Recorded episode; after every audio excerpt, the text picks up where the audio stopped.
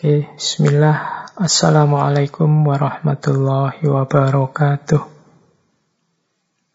Bismillahirrahmanirrahim. Alhamdulillahirabbil alamin. Wa bihi nasta'inu ala umurid dunya waddin. Allahumma shalli wa sallim wa barik ala habibina wa syafi'ina sayyidina wa maulana Muhammadin wa ala alihi wa ashabihi wa man tabi'ahum bi ihsanin ila yaumiddin. Bismillah, mari kita lanjutkan ngaji filsafat kita. Malam hari ini kita sampai pada sesi terakhir untuk tema kepemimpinan atau nasihat-nasihat untuk para pemimpin. Kalau mengikuti asumsi saya minggu-minggu awal, meskipun istilahnya untuk para pemimpin, ya sebenarnya nasihat-nasihat ini untuk kita semua. Karena ya tidak ada orang yang tidak berstatus pemimpin. Setiap orang adalah pemimpin. Kullukum ro'in. Oke, malam hari ini kita akan bertemu beliau Kanjeng Gusti Pangeran Adipati Aryo Mangkunegoro Kaping Sekawan. Untuk membantu kita memahami tuntunan-tuntunan bagi para pemimpin dalam tradisi Jawa. Bagi teman-teman yang aktif mengikuti ngaji, pastinya tidak asing lagi dengan beliau. Dulu juga pernah kita angkat beliau ini, kita bahas dari aspek moralnya, khususnya dalam serat Wedotomo. Malam ini kita angkat lagi banyak dari serat itu, plus satu tulisan beliau yaitu serat Tripomo. Cuma kita ambil bagian yang membahas tentang kepemimpinan. Jadi Kanjeng Gusti Pangeran Adipati Aryo Mangkunegoro ini ya sesuai nama beliau berasal dari Mangkunegaran. Jadi Mangkunegaran ini satu wilayah politik yang terbentuk berdasarkan perjanjian Solo Tigo. Perjanjian Solo Tigo itu perjanjian yang ditandatangani di Solo Tigo setelah terjadinya perlawanan dari Raden Mas Said terhadap Kasunanan. Terhadap Sunan Pakubuwono ketiga Kasunanan Surakarta yang sebelumnya juga sebenarnya sudah pecah karena perjanjian Gianti Kasunanan sama Kasultanan. Kasunanan kita kenalnya sekarang di Solo kalau Kasultanan di Jogja. Itu pun nanti pecah lagi yang Kasunanan ada Mangkunegaran yang Kasultanan di Jogja nanti ada Pakualaman. Oke, jadi setelah perjanjian Solo Tigo nanti Raden Mas Said diberi hak yang dikenal dengan wilayah Mangkunegaran. Wilayah Mangkunegaran itu wilayah timur dan selatan, beberapa wilayah selatan. Jadi bagian beberapa bagian kota Surakarta, kemudian Karanganyar, kemudian Wonogiri, Ngawen, Semen, Gunung Kidul itu dulunya masuk wilayah Mangkunegaran. Nah, kalau pemimpinnya Mangkunegaran ini tidak diberi hak untuk menyandang gelar Sunan atau Sultan. Tapi gelarnya adalah Pangeran Adipati Aryo. Jadi makanya tadi namanya disingkat KGPAA. KGPAA itu singkatan dari Kanjeng Gusti Pangeran Adipati Aryo Mangkunegoro. Oke, malam hari ini kita beliau ketemu beliau Mangkunegoro yang keempat. Yang nama aslinya adalah Raden Mas Sudiro. Beliau lahir tahun 1811, kemudian dilantik tahun 1853, dan nanti beliau meninggal tahun 1881. Ibunya, ibu beliau itu adalah putri dari Mangkunegoro yang kedua. Jadi berarti beliau ini cucunya Mangkunegoro kedua. Kalau ayahnya, ayahnya ini menantunya Paku Buwono ketiga. Jadi putra dari menantu Paku Buwono yang ketiga. Jadi beliau masuk cicitnya Paku Buwono. Dan nanti beliau ini sejak kecil diasuh oleh kakeknya, yaitu Mangkunegoro kedua. Selain seorang raja, adipati, beliau ini juga seorang pujangga. Banyak nulis kitab, banyak nulis serat. Kalau dihitung zaman beliau, dari istana banyak lahir kitab-kitab buku-buku berkualitas. Ada yang mencatat sekitar 42 naskah, termasuk Wedotomo dan beberapa komposisi gamelan-gamelan. Oke, malam hari ini kita akan menengok sebagian besar dari serat Wedotomo. Meskipun nanti mungkin saya awali beberapa tentang falsafah kepemimpinan Jawa sebelum membuka kitab Wedotomonya. Baik, itu saja sedikit pengantar teman-teman. Biar tidak terlalu panjang lebar pengantarnya. Kita mulai ya. Kita awali kepemimpinan dan pemimpin dalam tradisi filsafat Jawa dan nanti apa nasihat-nasihat yang bisa diambil.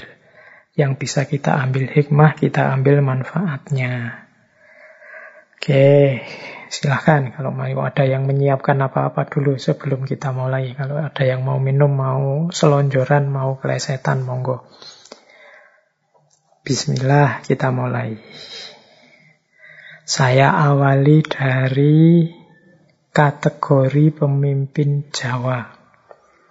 Jadi dalam tradisi Jawa ada pandangan tentang kategori-kategori pemimpin. Ada pemimpin yang nisto, ada pemimpin madyo, ada pemimpin utomo. Ini dari istilahnya teman-teman mesti ini sudah ngerti ya. Kalau nisto itu nanti diserap dalam bahasa Indonesia jadi nista. Ini pemimpin yang hina. Kenapa disebut nisto? Ya pemimpin yang hanya mikir dirinya sendiri sama sekali mengabaikan tugas dan tanggung jawabnya, hanya memikirkan kepentingannya sendiri, keluarganya sendiri, atau kelompoknya sendiri. Kalau ada pemimpin yang karakternya seperti ini, dalam tradisi Jawa disebut pemimpin yang nisto, pemimpin yang hina. Nah, maka kita harus hati-hati. Wong tanggung jawab kepemimpinan itu kan tanggung jawab yang mulia. Tapi kalau kita menjalankannya tidak hati-hati, ya kita akan keluar dari jalur kemuliaan itu bahkan bisa jadi jalan kehinaan. Dalam hidup ini banyak hal-hal yang baik, yang mulia, yang luhur. Tapi begitu kita menyikapinya salah, yang mulia, yang luhur itu sering malah blunder jadi jalan kehinaan kita. Termasuk kepemimpinan.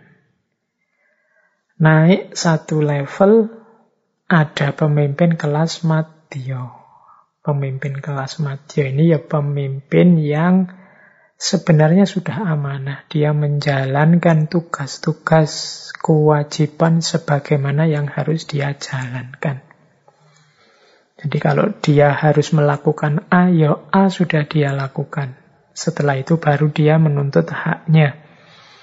Jadi orang di level Madyo ini tanggung jawab dia laksanakan, ya terus haknya dia tuntut. Hak itu yo kalau hari ini mungkin urusannya sama gaji, urusannya sama imbalan. Kalau dulu mungkin tidak sekedar gaji, mungkin kalau raja ya punya hak apa, punya hak ini, punya hak itu. Itu pemimpin level matio. Kewajiban dijalankan, hak juga dia ambil, dia tuntut. Tidak ada salahnya, wong itu memang haknya. Cuma kategorinya kategori matio. Matio itu ya biasa, secukupnya. Tidak istimewa tapi cukup. Yo nanti kalau kita pada saatnya akan milih pemimpin, semoga tidak milih pemimpin yang nisto. Tapi paling tidak kita pilih pemimpin yang matio, yang tahu kewajibannya, tahu tanggung jawabnya, meskipun dia juga tidak lupa hak-hak yang bisa dia ambil. Nah, yang paling tinggi adalah pemimpin yang utomo, pemimpin yang utama. Pemimpin yang utama ini ya pemimpin yang menjalankan kewajiban, menjalankan apa yang harus dia jalankan, bahkan dia lebihkan. Dia rela berkorban demi kebahagiaan, demi kesejahteraan, demi keamanan, ketertiban, kemakmuran yang dia pimpin. Tidak terlalu menghitung hak-hak yang bisa dia raih. Ini namanya pemimpin utomo. Ini pemimpin unggulan, pemimpin istimewa. Kalau teman-teman melihat ada orang semacam ini, potensial jadi pemimpin yang utama, ya pilihlah. Jangan milih pemimpin yang nista, tapi minimal pilihlah pemimpin yang madyo. Kalau bisa, pilihlah pemimpin yang utama. Ini jadi dasarnya pemimpin ini. Dilihat dari kalau tiga ini kan kelihatan dilihatnya dari aspek amanah tidaknya. Kalau nisto ini kurang amanah. Kalau mati pas amanahnya. Kalau yang utama ini bahkan menambah kebaikan-kebaikan, menambah keutamaan-keutamaan. Tidak sekedar yang wajib dia jalankan. Oke. Terus perlu juga menurut saya saya sampaikan kualifikasi-kualifikasi yang dianggap utama bagi seorang pemimpin Jawa. Dari beberapa bacaan saya simpulkan ideal yang sangat diinginkan dalam tradisi Jawa seorang pemimpin itu adalah stabilitas moralnya yang pertama. Jadi stabilitas moral itu dia kalau bahasa agama, akhlaknya harus tegak dulu. Ini kalau saya simpulkan dari banyak sumber. Di catatan saya ada beberapa istilah yang sering sekali muncul sehubungan dengan moralitas seorang pemimpin ini. Di catatan saya ada lima. Yang pertama, ojo gumunan. Yang kedua, ojo kagetan.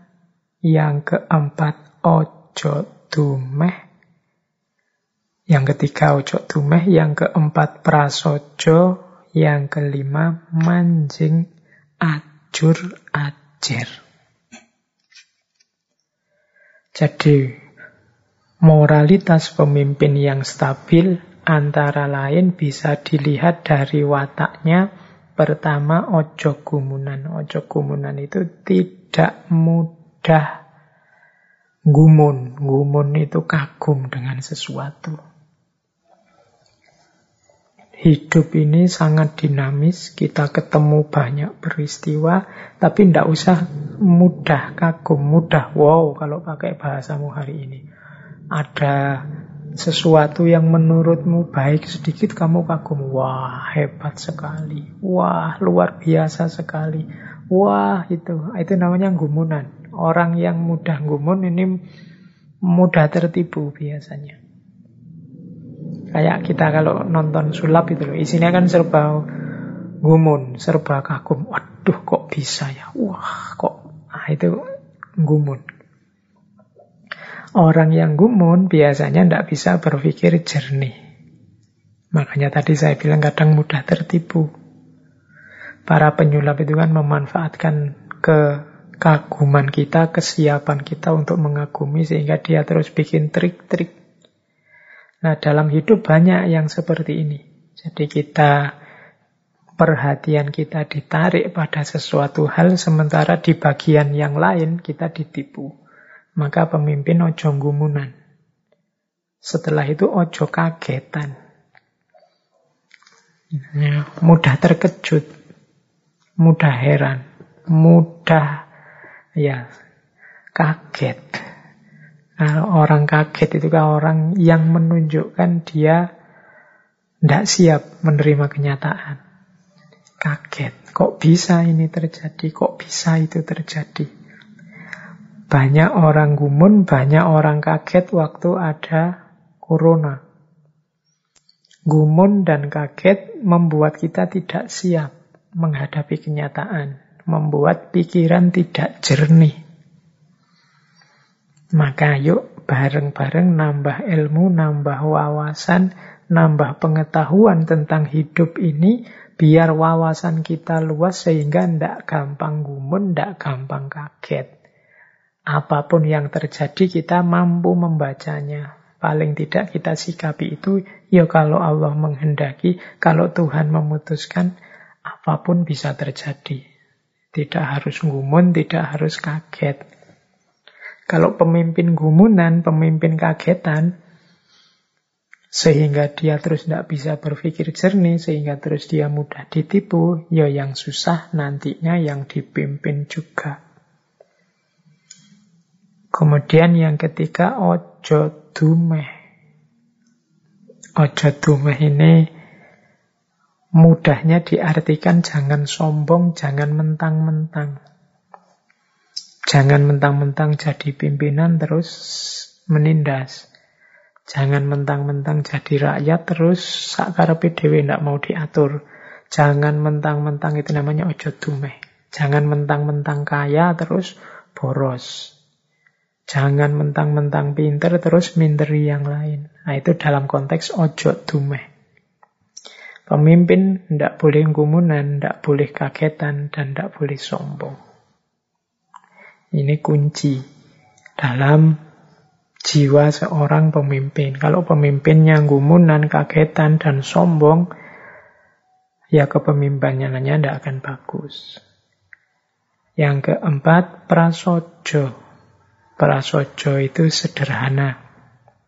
Hidup tidak berlebihan, sakmatio. Sesuai kebutuhan saja, tidak bermewah-mewah, tapi juga tidak hidup secara demonstratif berkekurangan, ya tidak biasa saja, secukupnya. Jadi itu prasojo. Makanya orang yang hidupnya prasojo itu kan kadang kita pakai istilah hidup yang bersahaja. Bersahaja itu ya tidak kelihatan sengsara tapi juga tidak bermewah-mewah. Secukupnya saja, biasa saja. Itu prasojo. Ini termasuk keutamaan dalam dunia Jawa. Kemudian yang kelima, mancing acur ajer. Mancing acur ajer itu, acur itu hancur, ajer itu cair.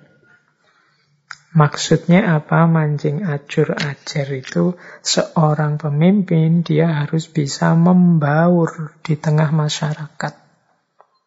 Pemimpin harus bisa nyampur dengan masyarakatnya. Tidak boleh jadi elit yang menjauh dari masyarakat. Tidak boleh jadi orang istimewa yang tidak bisa disentuh. Mau ditemui saja susahnya setengah mati. Mau ngajak ngobrol, yang ngajak ngobrol takut dimarahi, takut dihukum. Mau mendekat saja diusir. Dan berarti tidak mancing, ajur ajar. Menempatkan diri secara berjarak dari masyarakatnya. Seorang pemimpin diharapkan bisa menyatu dengan masyarakat Makanya dalam tradisi Jawa ada istilah manunggaling kawulo gusti. Dari sisi budaya, politik, pemerintahan, manunggaling kawulo gusti itu bermakna ketika kehendak rakyat nyambung sama kehendak pemimpinnya. Atau ketika seorang pemimpin membaur bersama masyarakatnya.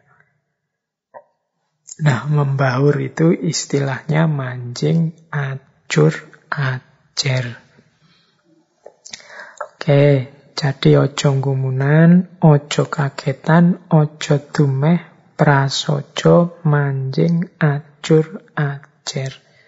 Ini untuk pengantar kita memahami dunia kepemimpinan Jawa. Perhatikan juga kualifikasi pemimpin selain moralnya, seorang pemimpin juga dituntut untuk menghidupkan rasa. Karena ciri nalar Jawa, ciri cara hidup Jawa itu ada titik tekan pada dunia batin atau dunia rasa.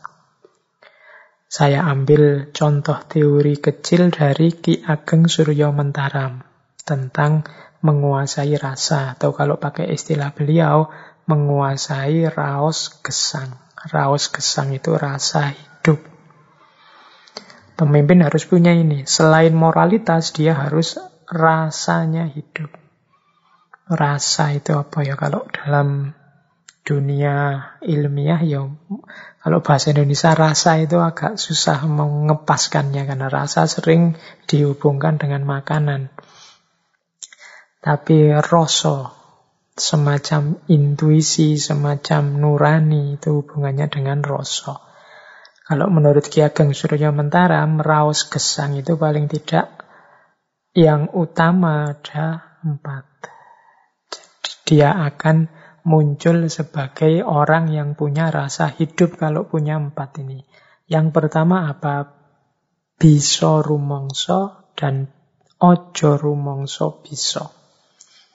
Ini teman-teman yang Jawa mestinya sering mendengarkan istilah ini. Bisa rumongso, ojo rumongso, bisa. Bisa merasakan dan jangan merasa bisa. Bisa merasakan itu kalau bahasa ilmiahnya mungkin empati bisa memposisikan diri kita di posisinya orang lain sehingga kita bisa membayangkan rasa yang dia rasakan sekarang. Seandainya dalam situasi pandemi ini aku adalah dia yang sedang terkena virus corona, mestinya aku panik luar biasa, mestinya aku gelisah, mestinya aku mungkin ada rasa takutnya menulari orang lain. Itu namanya bisa rumongso. Jadi terus lahirnya apa? Kita sayang, kita berempati pada yang mengalami. Kita turut merasakan. Jadi bisa rumongso. Pemimpin harus bisa begitu. Perspektifnya pemimpin harusnya perspektifnya yang dipimpin. Seandainya aku rakyat, yang sekarang cari makan susah, yang di PHK, yang tokonya tutup, yang jadi korban corona, dan seterusnya. Pemimpin harus bisa mengempati, memposisikan dirinya di posisinya rakyat. Ini namanya bisa rumongso. Sehingga nanti keputusan-keputusan yang diambil, kebijakan-kebijakan yang diambil, kebijakan yang empatik, berpihak pada rakyat, bukan kebijakan yang perspektifnya dirinya sendiri, visi dan keinginan-keinginan pribadinya. tapi visi dan keinginan yang dia pimpin. Itu namanya bisa rumongso. Kebalikannya rumongso bisa. Rumongso bisa ini ya orangnya tidak bisa empatik. Dia merasa kebenaran itu adanya hanya dalam dirinya saja. Akhirnya merasa sombong. Menganggap orang lain semua harus ikut kebenarannya. Ini orang yang rumongso bisa. Padahal mungkin dia tidak terlalu mampu, tapi menganggap dirinya mampu. Itu rumongso bisa, merasa bisa. Maka pemimpin harus bisa rumongso dan tidak rumongso bisa. Orang yang rumongso bisa itu adalah orang yang tidak mau belajar. Terus yang kedua, untuk menguasai raos gesang butuh angrosowani. Angrosowani itu punya rasa keberanian. Kalau dalam ilmu akhlak harus punya saja'ah. Berani memulai, berani mengakhiri, berani belajar, berani salah, berani keliru, berani berjuang, berani. Orang hidup kalau tidak punya rasa berani, dia tidak akan bergerak. Dia akan cari sudut aman hidupnya, dia akan berlindung di balik zona nyaman kesehariannya. Ini ciri orang yang tidak angrosowani. Kalau pemimpin tidak punya keberanian, ya yang dipimpin pada akhirnya akan merosot, tidak bisa maju. Kepemimpinannya tidak membawa perubahan apa-apa. Wong perubahan itu kan butuh keberanian. Maka seorang pemimpin harus berani melakukan inovasi-inovasi, terobosan-terobosan. Tidak takut dengan resikonya. Kalau takut dengan resikonya, ya tidak jalan-jalan. Berarti dia tidak angrosowani. Tidak berani. Kemudian seorang pemimpin juga harus angroso kleru. Berani merasa mengakui bahwa dirinya salah, kalau memang salah. Jadi manusia itu sangat wajar kalau dia punya kesalahan atau melakukan kesalahan. Justru tidak manusiawi kalau orang menganggap dirinya benar terus. Sekali-sekali orang itu ya pasti punya salah. Nah, manusia yang utama itu punya angroso keliru. Dia sadar dan mau ngaku kalau pas dia salah. Orang yang tidak punya angroso keliru, ini nanti jadi orang yang tidak bisa jadi lebih baik. Hidupnya statis. Hidup kita itu jadi lebih baik kan ketika yang salah-salah kita luruskan, yang salah-salah kita benarkan. Cuma kalau ndak mau ngaku salah, yo ya ndak akan berkembang mandek. Jadi angroso wani sama angroso kleru itu rasa yang harus hidup dalam diri kita, karena kalau tidak kita ndak akan jadi lebih baik. Dan yang keempat, bener tur pener. Nah, jadi untuk menghidupkan raos gesang, ya kita harus ada di ranah kebenaran dan kepeneran. Jadi dalam budaya Jawa ada beda antara benar dan benar. Benar itu kebenaran yang diterapkan pas dalam ruang dan waktunya. Konteksnya sesuai. Kadang-kadang ada kebenaran tapi tidak kebenaran. Benar tapi tidak benar. Sering saya ilustrasikan kan benar tapi tidak benar. Misalnya kamu punya teman kurus terus mbok panggil halo cungkring apa dulu saya ada itu manggilnya halo triplek atau apa. Nah, itu berarti lo kamu benar ngomong wong dia kurus kamu anggap dia kayak triplek tapi tidak benar membuat dia sakit hati. Jadi kebenaran harus diungkapkan secara benar dengan jalan yang benar pada ruang, waktu, dan situasi yang benar. Baru dia disebut benar. Oke, kalau teman-teman mengikuti diskusi kadang-kadang di TV-TV, itu banyak orang bertukar kebenaran. Bertukar kebenaran itu ini ngomong A, ini ngomong B. Kedengarannya beda-beda. Tapi kok kadang-kadang kita bingung, ini kok benar semua sih? Ya, kalau diukur dari benar mungkin ya bisa benar semua, tapi benar beda lagi. Benar itu pas ndak dia kalau digunakan? Cocok ndak untuk situasinya? Itu namanya benar. Nah ini kok kualifikasi pemimpin. Selain moralitasnya harus tegak, dia ndak boleh jadi kayak batu, rasanya harus hidup menguasai raos gesang. Oke, ah saya bawa masih ada yang saya bawa ini untuk perkenalan saja. Mungkin kapan-kapan kita bahas lebih detail jalan kepemimpinan yang saya ambil dari Serat Romo Jarwo karya Raden Ngabayi Yosodipuro yang dikenal sebagai Astobroto. Astobroto ini sebenarnya mengambil dari kisah Ramayana yang ditulis oleh Resi Walmiki. Jadi Astobroto ini nasihatnya Rama kepada adiknya Barata sewaktu mau meninggalkan kerajaan Ngayudya dan juga dinasehatkan kembali oleh Rama kepada adiknya Rahwana, Gunawan Wibisono, setelah tewasnya Rahwana dan dia akan menggantikan jadi raja di Ngalengko.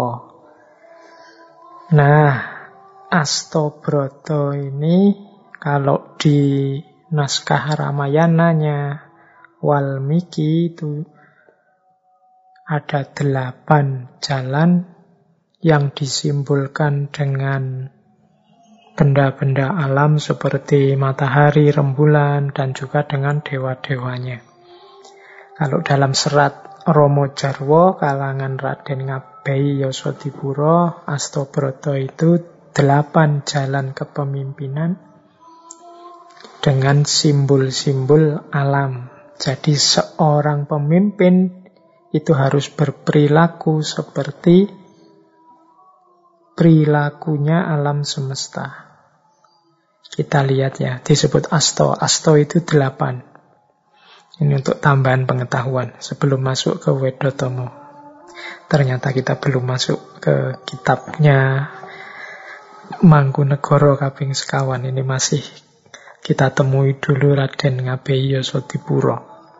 Nah, pemimpin itu pertama-tama harus ambeking lintang, mengikuti jalannya bintang.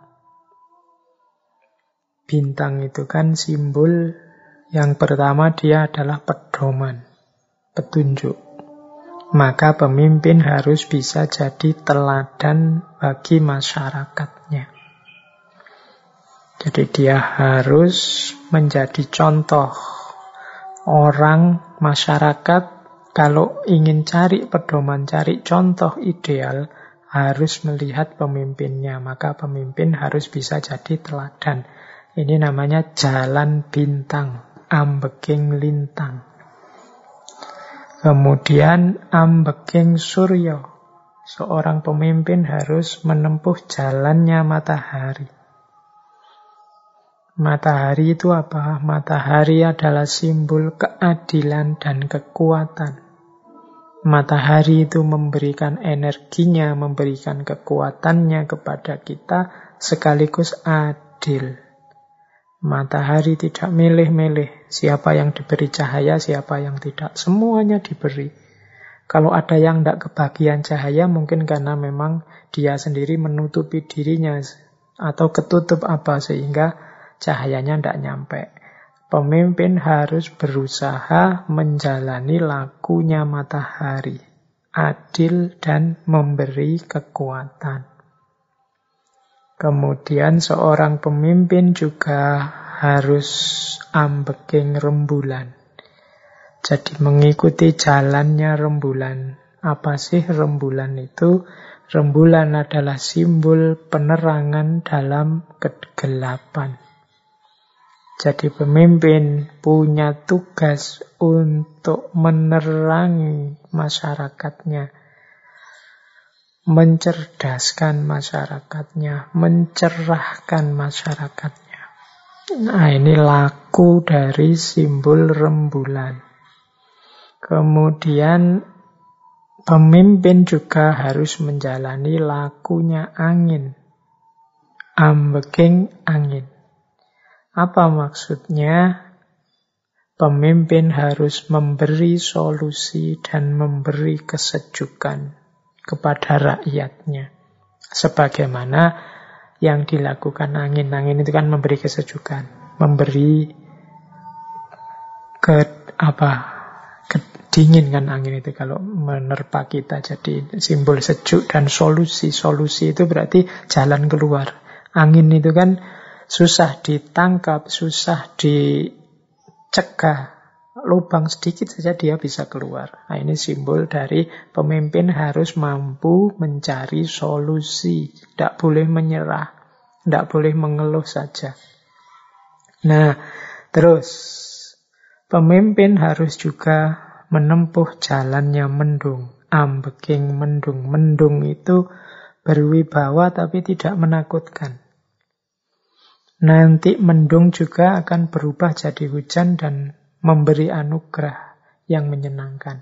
Maka seorang pemimpin harus punya wibawa meskipun tidak melahirkan rasa takut tapi melahirkan rasa hormat dan juga nantinya dia akan memberikan anugerah kepada semuanya secara merata kalau mendung kan melalui hujan. Terus pemimpin juga harus menempuh jalan api, ambeking geni. Apa maksudnya? Mampu memberantas kejahatan, mampu menegakkan hukum. Itulah api. Kalau salah ya dibasmi. Kalau menyusahkan ya disingkirkan. Nah, itu jalannya api, ambeking geni. Pemimpin juga harus ambeking banyu atau ambeking samudra simbol dari keluasan, kesabaran, dan kesiapan menampung segala hal.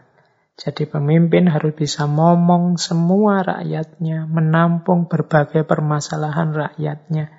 Sebagaimana laut, dia akan jadi muara terakhirnya semua aliran air, sungai-sungai, semuanya ke sana. Dan dia siap menampung apa pun yang datang, apa pun yang hadir.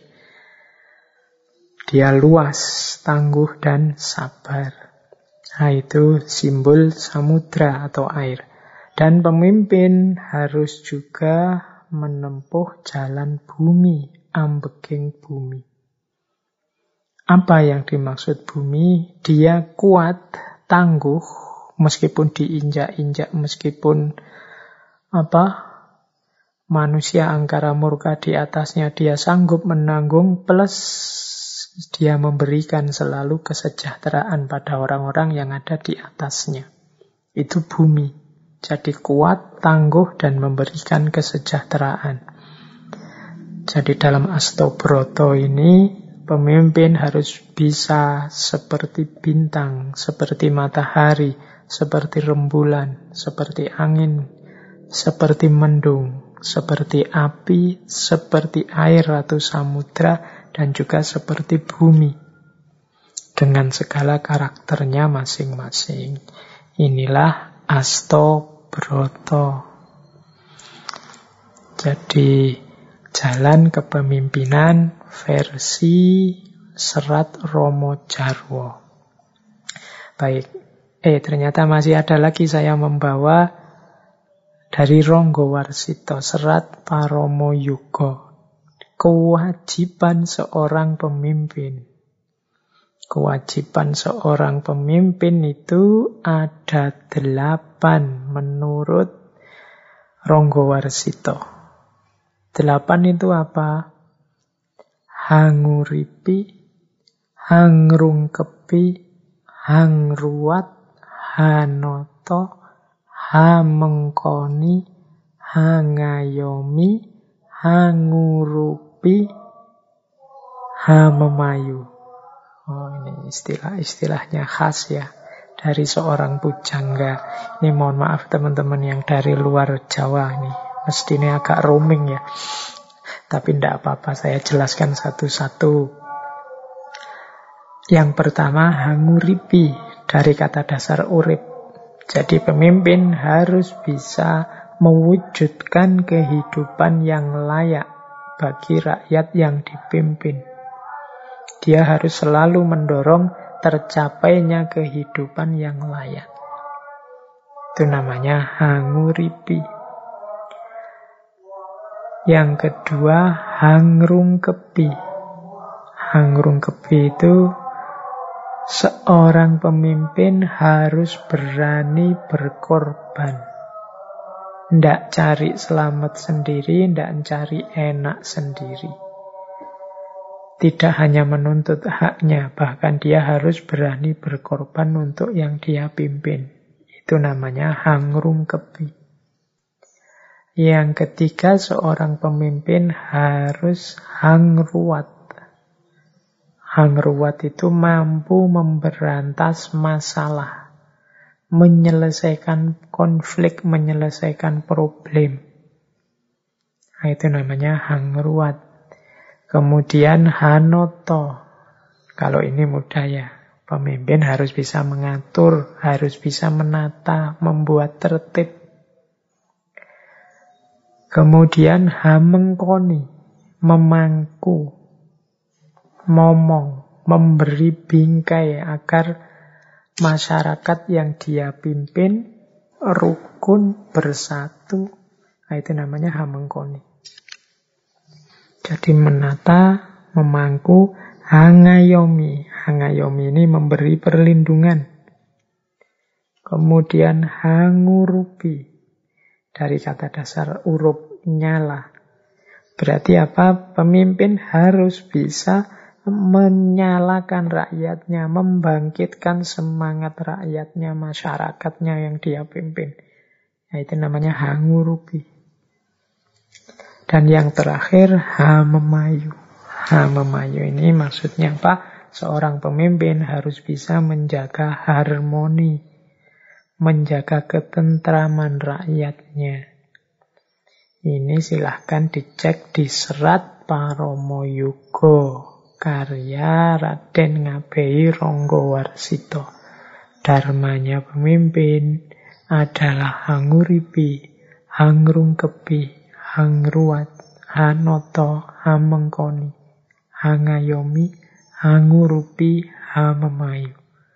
Menghidupkan, berani berkorban, mengatasi masalah, menata, memangku, mengayomi, membangkitkan semangat, dan menjaga harmoni. Itulah ciri pemimpin yang ideal.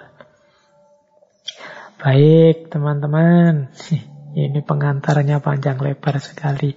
Tapi memang saya sengaja paling tidak bagi yang tertarik selanjutnya itu kan di atas tadi saya cuplik sedikit-sedikit dari Ki Ageng Suryo Mentaram, dari Raden Ngabeyo Sodipuro dari Ronggo Warsito. Nah, yang tertarik ya monggo digali sendiri, dicari sendiri ya yuk. Apalagi yang muda-muda. Jangan sampai khazanah-khazanah lama yang luar biasa seperti ini terlewatkan oleh kita. Kalau terlewatkan di era kita, pasti anak cucu kita tidak sekedar terlewatkan, tapi hilang. Kalau hilang eman-eman. Atau ndak hilang sih, cuma tinggal catatan-catatan. Jadi museum saja. Kita belajar ke mana-mana tapi melupakan khazanah sendiri. Makanya sering orang itu kalau buka khazanah-khazanah lama itu kaget-kaget sendiri. Kok bagus ya, kok ada ya. Itu menunjukkan bahwa selama ini kita tidak terlalu peduli. dengan khazanah-khazanah keutamaan semacam ini. Oke, sekarang kita buka tema utama kita, yaitu dari serat Wedotomo. Karya Kanjeng Gusti Pangeran Adipati Aryo Mangkunegoro kaping sekawan. Jadi serat Wedotomo ini isinya moral pendidikan dengan beberapa aksentuasi ajaran Islam di dalamnya. Kemudian terdiri dari sekitar 100 bait atau 100 pupuh yang terbagi dalam lima lagu, yaitu Pangkur, Sinom, Pucung, Gambuh, dan Kinanti. Isinya serat ini ya sebagian besar falsafah hidup. Kalau dari sisi isinya sebenarnya ini dimaksudkan oleh Mangkunegoro Kaping Sekawan untuk menasehati putra-putri beliau. Anak-anak muda yang akan melanjutkan estafet kepemimpinannya. Jadi kalau mau jujur sebenarnya ya serat Wedotomo itu ya semuanya ajaran untuk seorang pemimpin atau calon pemimpin. Oke, cuma ya malam hari ini tidak mungkin kita buka semua. Saya ringkas-ringkas, kemudian saya kutip sedikit-sedikit. Paling tidak sudah kelihatan yang diinginkan, lebih detailnya lagi teman-teman yang mendalami. Pokoknya rumusnya itu ngaji kita ini karena tidak mungkin kita ngaji detail satu-satu setiap tema satu nanti bisa-bisa satu kitab kita setengah tahun sendiri. Jadi sengaja biar teman-teman tidak bosan kan saya selalu nyuplik sedikit-sedikit. Kalau sudah tertarik silahkan didalami. Karena sudah tertarik kan biasanya lebih nyaman, lebih enak mendalaminya. Baik, dari serat Wedotomo kita buka. Saya ringkeskan dulu tentang etikanya. Ini berarti etika untuk seorang pemimpin. Yang pertama, eling lan waspodo. Eling itu ingat, waspodo itu hati-hati. Ini hampir ada di semua karya moral para pujangga Jawa lama, istilah eling lan waspodo ini.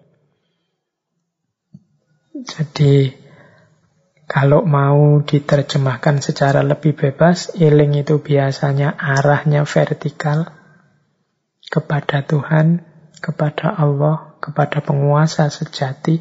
Jangan lupa bahwa dia selalu hadir, selalu menemani kita, dan waspodo. Waspodo itu kesadaran akan sekeliling kita. Kalau eling itu vertikal, kalau waspodo itu horizontal. Waspodo itu bisa berhubungan dengan alam, bisa berhubungan dengan sesama manusia, dengan teman, dengan lingkungan sekeliling, itu waspodo. Selalu bacalah, pahamilah, nah itu untuk lingkungan sekeliling. Kalau yang ke atas itu eling. Eling itu Selalu zikir, selalu ingat akan kehadiran Allah. Pemimpin yang selamat adalah pemimpin yang eling lan waspodo. Kepada Tuhan dia ingat, kepada sesama dan sekitar dia waspada. Oke, terus yang kedua, kenapa orang harus eling lan waspodo? Karena jangan sampai orang itu atet tombo yen wis bucik. Atet tombo yen wis bucik itu berobat kalau sudah terluka.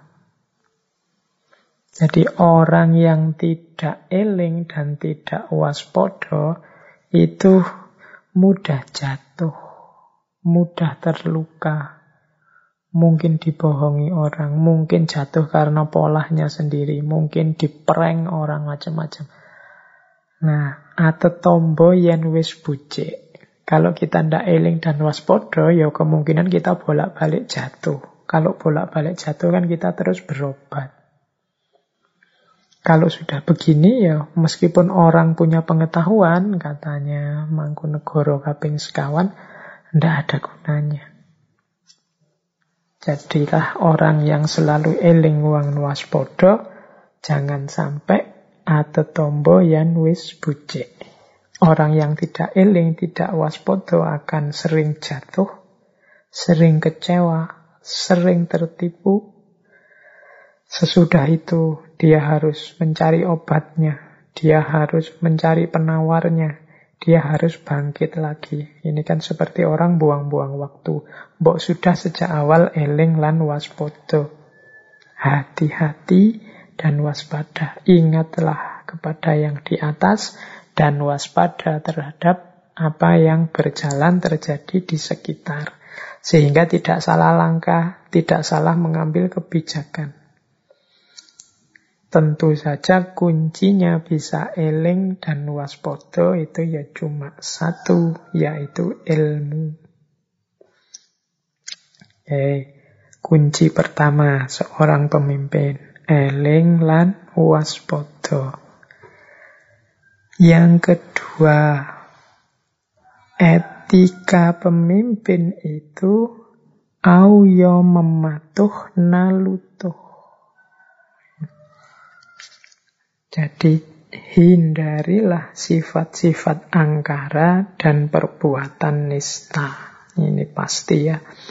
Seorang pemimpin harus menyingkiri segala sifat angkara murka dan perilaku-perilaku yang rendah, perilaku-perilaku yang nista. Di bait yang sama dijelaskan apa sih angkara itu antara lain? Ini antara lain ya.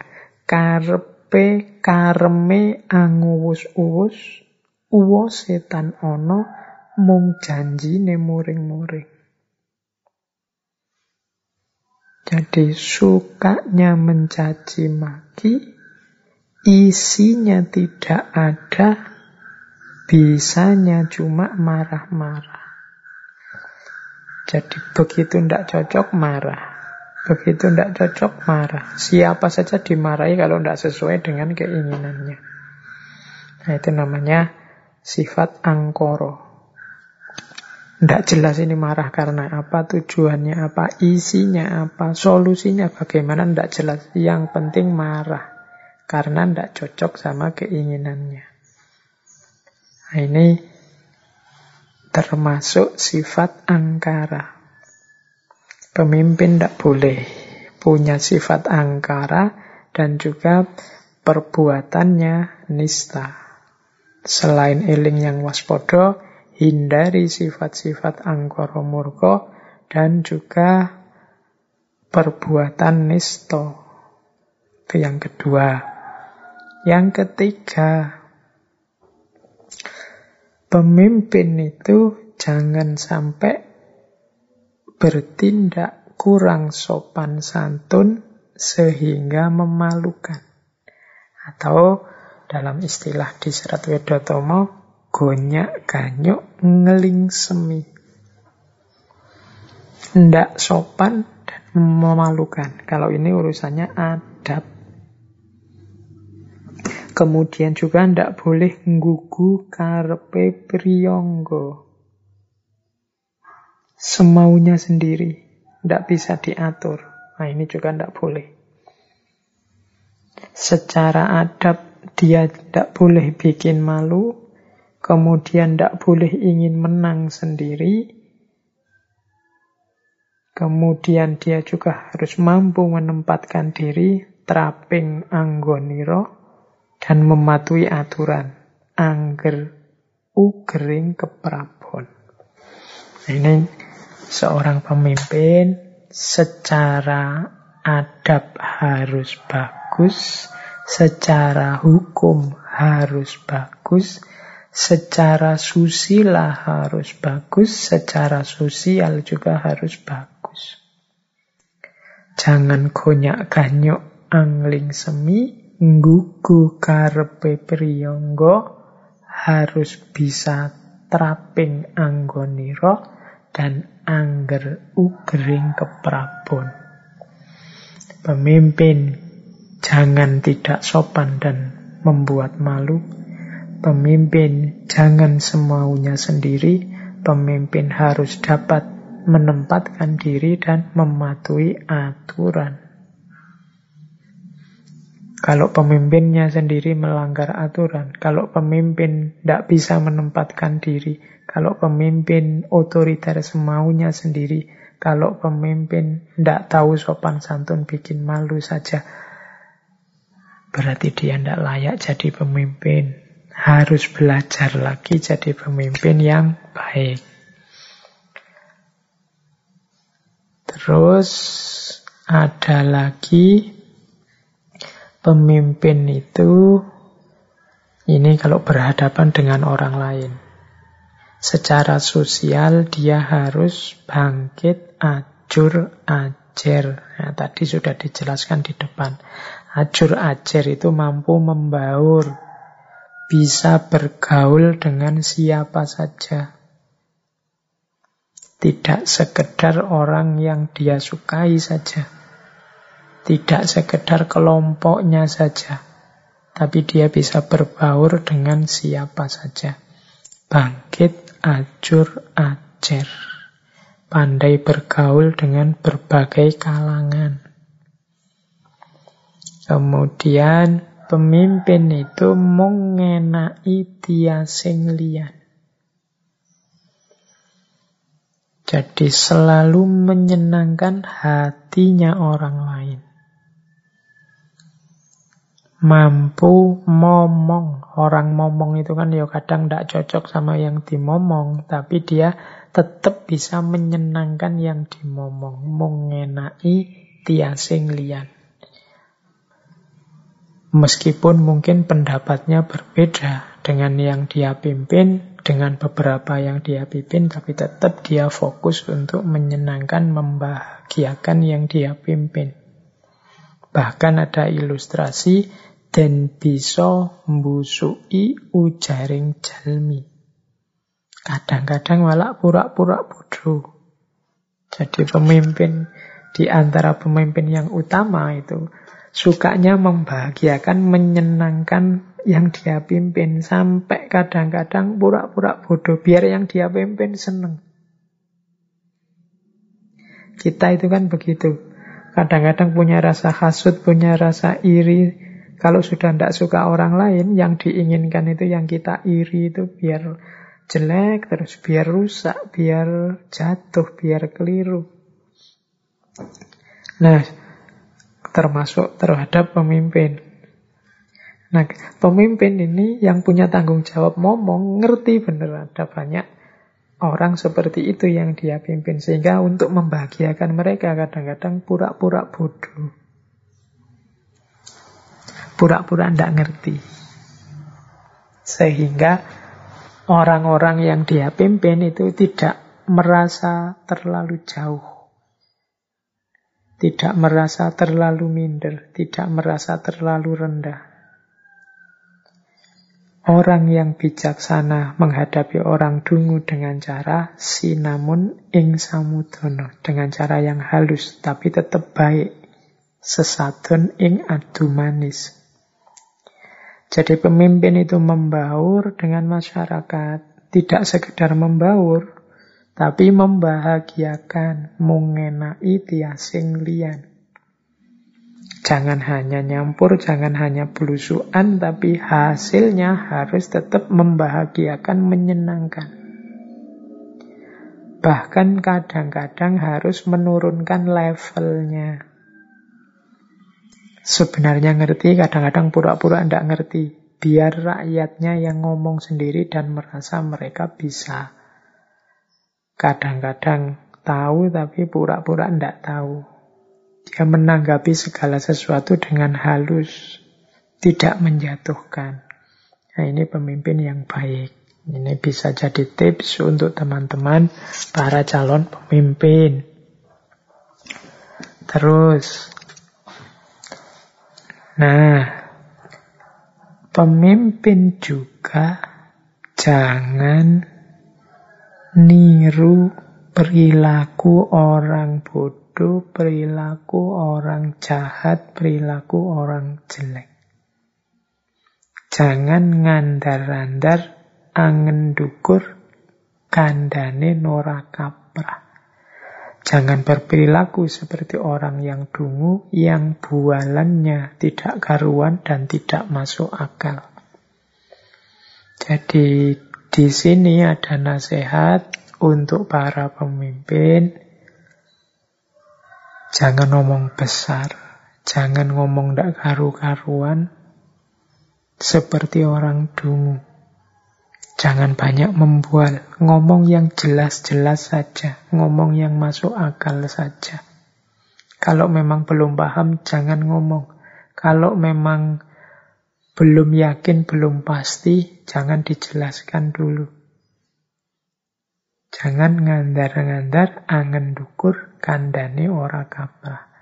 Karena kadang-kadang orang ngomong itu ya termasuk pemimpin, ingin menunjukkan bahwa dia pinter, ingin menunjukkan bahwa dia hebat, ingin menunjukkan bahwa dia jago. Nah, itu kalau tidak nyambung sama kenyataannya, malah menjatuhkan dirinya saja. Malah membuat dia kelihatan jelek. Kalau memang belum jelas, belum tegas, belum paham, ya diam dulu. Jangan seperti orang dungu. Orang dungu itu suka sombong anggung gumrunggung, dan ingin dipuji setiap hari, ugungan setino-tino. Jadi cirinya kalau ingin tahu orang dungu itu seperti apa, katanya Mangkunegoro kaping sekawan, orang dungu itu suka sombong atau anggung gumrunggung dan ingin dipuji setiap hari, ugungan setino-tino. Nah, ayo di antara kita, ayo introspeksi ya. Hari ini mungkin sedikit banyak di antara kita, mungkin termasuk saya, kejangkitan penyakit ini. Ingin dipuji setiap hari. Menganggap dirinya penting, menganggap dirinya besar. Buktinya banyak. Kalau teman-teman habis posting apa, Kan senengnya luar biasa kalau orang berlomba-lomba muji. Berlomba-lomba nge-like, berlomba-lomba memberi komentar bagus, berlomba-lomba memberi jempol, berlomba-lomba nulis mantap. Nah, itu kan kita senengnya luar biasa. Padahal mungkin orang yang nulis itu ya basa-basi. Temenmu yang memuji kamu mantap itu ya cuma copy paste dari emoticon mantap yang lain. Tidak sungguh-sungguh ingin muji, tapi kita sudah terlanjur merasa besar, merasa penting. Ugungan setino-tino kita hari ini budaya kita, budaya online, budaya medsos kita adalah budaya yang ingin dipuji sehari-hari. Tiap hari kita ngejar viral demi viral. Dan buktinya viral adalah banyak orang nge-share, banyak orang jempol, banyak orang like. Sehingga kalau ada satu orang saja mengkritik, kita gelisahnya luar biasa. Kalau ada jempol terbalik satu, kita penasaran sekali. Salahnya di mana ini? Jeleknya apa kok ada yang jempol terbalik satu? Itu menunjukkan sebenarnya kita menganggap diri kita besar. Menganggap diri kita penting. Sehingga orang harus bilang kita bagus, bilang kita baik, bilang kita penting. Begitu ada yang ngomong sebaliknya atau tidak cocok dengan keinginan kita, kita terus gelisah luar biasa. Oke, jadi itu etika pemimpin. Nah, orang yang kurang pengetahuan tapi sombong itu bisa dilihat kalau dia bertutur kata. Katanya Mangkunegoro kaping sekawan, Orang yang pengetahuannya sedikit tapi sombong itu kalau ngomong biasanya lumuh asor kudu unggul. Ndak mau kalah, harus menang.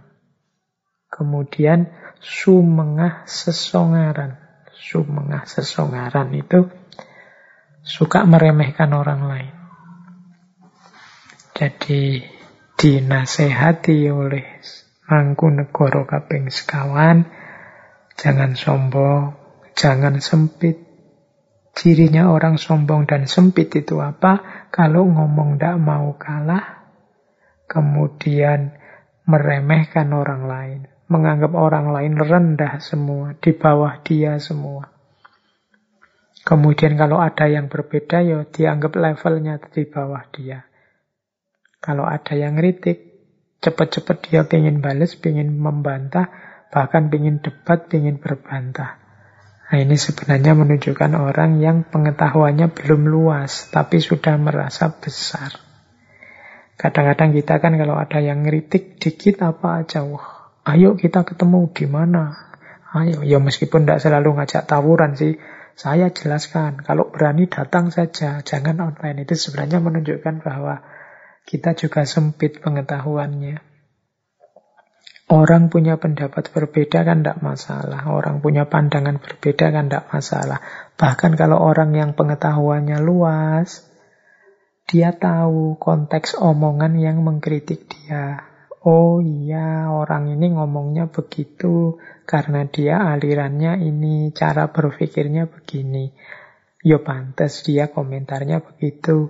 Oh iya, orang ini pakai mazhab ini loh sehingga dia tidak cocok sama ini ya tidak masalah nah, itu luas tapi kalau ada orang yang mengkritik kita dan menurut kita itu kritik tidak berdasar kritik yang picik kritik yang sempit dan kita melakukan hal yang sama ngeyel meremehkan dia Allah orang yang ngomong kayak gitu itu ya ngaji nih kurung katam ah, orang yang ngomong yang kayak gitu itu orang yang tidak pernah membaca buku. Orang yang tidak pernah itu sebenarnya kita ada di level, di frekuensi yang sama dengan dia. Kita termasuk lumuh asor kudu unggul. Kita merasa jadi orang yang harus menang, tidak boleh kalah, dan sumengah sesongaran. Menganggap orang lain itu serba rendah di bawah kita. Eh, jadi dari serat Wedotomo tadi, kalau mau diringkes, pemimpin itu harus selalu ingat dan waspada, ingat ke atas, waspada ke sekitar, Kemudian pemimpin itu harus menghindari semua perbuatan yang hina. Kemudian pemimpin itu harus menjaga adab dan sopan santunnya. Kemudian pemimpin itu harus membaur dengan yang dipimpin dan kehadirannya membahagiakan. Kemudian pemimpin itu tidak boleh sombong dan mentang-mentang merasa benar terus tidak bisa disalahkan. Nah, ini etika yang bisa dimanfaatkan oleh pemimpin yang diambil dari serat Wedotomo. Oke, sekarang kita lanjutkan perilaku ideal, contoh ideal pemimpin dari serat Wedotomo. Jadi di Serat Wedotomo itu disebut seorang tokoh pemimpin yang diidolakan, yaitu Panembahan Senopati, pendiri Mataram Islam.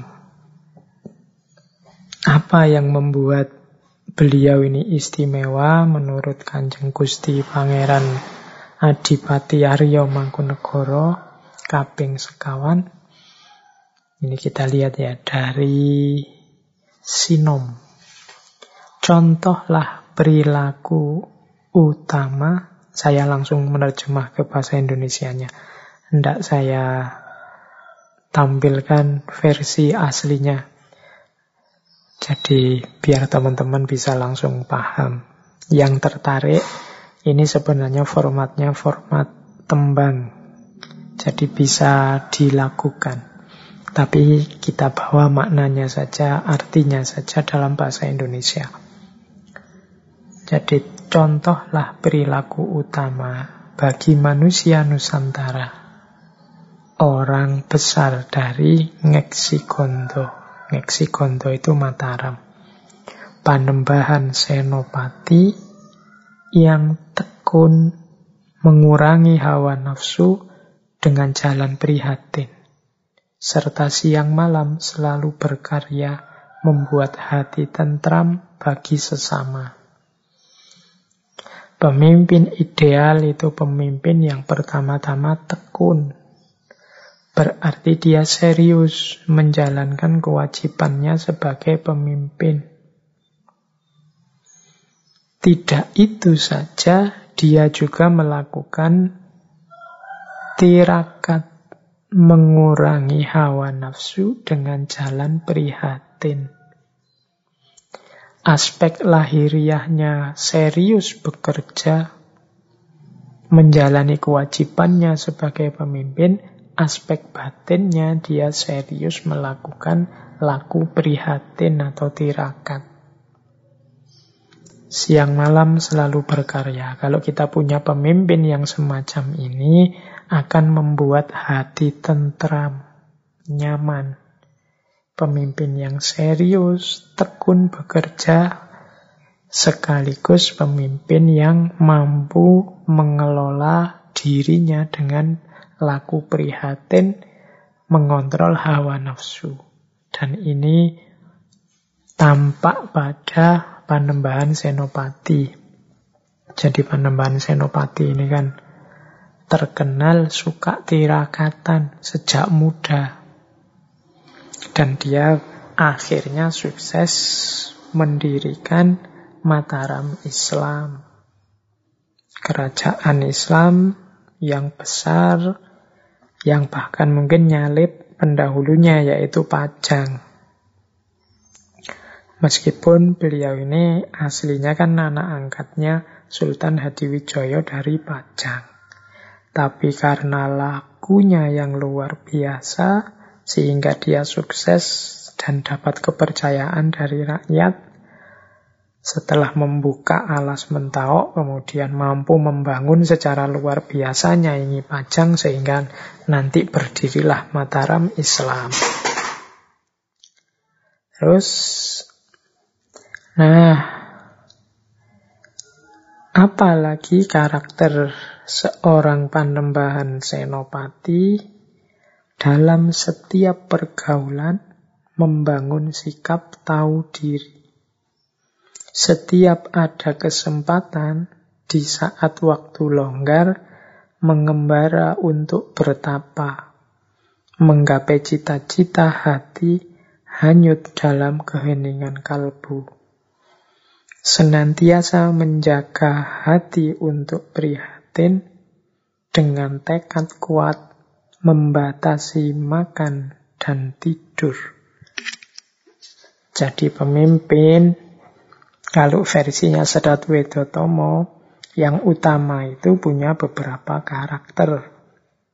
Yang pertama, kalau bergaul, bertemu siapa saja, sikap yang dikedepankan adalah tahu diri. Demi menjaga harga diri, ifah atau muruah kalau dalam bahasanya ilmu akhlak. Jadi bisa menempatkan diri di hadapan orang lain. Yo tidak terlalu minder, juga tidak sombong, selalu sikapnya pas. Tidak merendah-rendahkan dirinya, juga tidak membesar-besarkan dirinya. Itu namanya tahu diri, ngerti posisiku di mana. Orang yang tahu diri ini enak dalam bergaul, Oh, kalian kalau bergaul dengan teman yang tahu diri itu kan enak. Tidak perlu diingatkan. Tidak perlu sering-sering ditegur. Dia ngerti sendiri apa yang boleh, apa yang tidak boleh. Apa tanggung jawabnya dalam pertemanan. Kemudian begitu ada waktu longgar, bertapa. Kalau ini panembahan senopati ya, kalau kita mungkin yo istirahat di level kita. Kalau beliau mungkin nyepi, uzlah. Membersihkan hati, menjernihkan kalbu. Kalau kita yo versi kita lah monggo teman-teman semampunya. Jangan ada waktu longgar yang sia-sia. Apalagi ini mumpung era pandemi yang kita dilarang sering-sering keluar. Ayo uzlah, ayo semeti, mengheningkan cipta kita sendiri-sendiri, menjernihkan kalbu kita masing-masing, dengan jalan yang kita tahu saja. Mungkin zikir, mungkin sholat, mungkin puasa, ayo diperbanyak. Apalagi ini banyak orang yang bilang ini zaman-zaman banyak kesulitan, zaman-zaman harus prihatin. Mumpung memang zamannya prihatin, kita yuk prihatin beneran. Ayo tirakat beneran. Kalau Panembahan Senopati membatasi makan, membatasi tidur. Ya kalau kita mungkin tidak se ekstrim itulah level kita, level kalian ya saya tahu lah. Kalau disuruh terlalu dalam juga susah, membatasi makan tidur ya Mungkin kalian berat, mengurangi mungkin bisa. Coba tidak terlalu banyak seneng-seneng. Agenda senang-senangnya dikurangi, agenda yang lebih serius diperbanyak. Agenda serius itu yo yo ndak cuma ngaji, yo ndak cuma wirid, yo ndak cuma ibadah. Bisa belajar, membaca, bisa aktivitas-aktivitas lain yang produktif. Kalau tidak ada sama sekali, boleh diisi dengan yang positif seperti ngaji atau yang lain. Tapi latihan, ayo latihan prihatin. Demi apa? Ya demi keberhasilan, demi kesuksesan kita. Demi selesai keluar dari banyak masalah. Saya tidak tahu teman-teman ini merasa bahwa pandemi ini masalah kita, apa masalahnya pemerintah, apa masalahnya orang-orang besar. Pernah tidak kita serius berdoa, ya Allah, semoga pandemi ini segera berakhir. Di luar doa-doa yang kita posting di medsos-medsos. Serius kita menghadap pada Allah, melakukan tirakat, melakukan ibadah, mendekat pada Allah demi pandemi segera berakhir. Banyak orang di bidangnya masing-masing yang berkaitan sudah melakukan ikhtiar untuk selesainya pandemi ini. Yang jarang terlihat adalah ikhtiar rohaninya, ikhtiar spiritualnya. Kalau memang ada waktu dan teman-teman ada keinginan, ayo bareng-bareng dari rumah masing-masing kita melakukan ikhtiar rohani, ikhtiar spiritual. Agar pandemi ini cepat selesai. Ya kalau zaman dulu kan kalau ada masalah terus ada doa bersama, ada. Kalau sekarang kan yang gitu-gitu ndak boleh. Nah, kita bikin strategi yang berbeda yo. Kita masing-masing bareng-bareng setiap malam mendekat pada Allah, demi cepat selesainya pandemi ini. Ya mungkin di antara teman-teman ada, ala pak pandemi ndak urusan saya juga. Saya juga ndak kesulitan juga pandemi ndak pandemi, saya biasa saja. Kalau memang kalian biasa saja, pikirkanlah saudara-saudaramu, tetanggamu, orang-orang kiri kananmu yang kesulitan karena pandemi ini. Kalau ndak demi engkau yang hidupmu sudah mapan, ya demi orang lain yang kesulitan ikhtiar spiritual, ikhtiar rohani itu kan tidak membayar. Tidak berat, tidak butuh modal, cuma butuh keinginan. Nah, jadi kalau ikhtiar yang fisik, ikhtiar yang mengejar sunatullah, biar kita pandemi berakhir seperti pakai masker, menjaga protokol, oke okay kita patuhi, tapi mungkin saatnya sudah harus dimulai kita melakukan ikhtiar-ikhtiar rohani, ikhtiar-ikhtiar spiritual, mendekat yang sebenarnya pada Allah. Secara serius, tidak sekedar seremonial. Kalau bahasanya Panembahan Senopati tadi, melakukan uzlah, melakukan perilaku prihatin. Nah, secara sengaja prihatin. Dalam rangka dekat ke Allah, mencari ridhonya Allah biar dikabulkan keinginan-keinginan kita yang baik. Oke, kita lanjutkan. Tipe pemimpin ideal. Nah, saya lanjutkan dari bait yang paling terkenal dan paling sering dikutip dari serat Wedotomo. Yaitu tentang ilmu. Pemimpin adalah orang yang paling butuh wawasan keilmuan yang luas dan dalam. Ini ada bedanya antara luas dan dalam. Ini kita lihat dari bait pucung. Dalam pucung disebutkan ilmu itu dapat kita peroleh melalui laku. Dimulai dengan kas. Maksudnya kas adalah memberi kekuatan, kekokohan, serta harus teguh dalam melawan angkara murka. Jadi ilmu akan bisa hadir dalam diri kita melalui laku. Makanya tadi panembahan senopati itu kalau ada waktu luang menjalani laku, menjalani tirakat. Sehingga dia dapat ilmu. Kalau para sufi melakukan tazkiyatun nafas, melakukan uzlah, menetapi kona'ah, dari satu makom ke makom yang lain demi makrifat. Jadi ilmu bisa diperoleh melalui laku.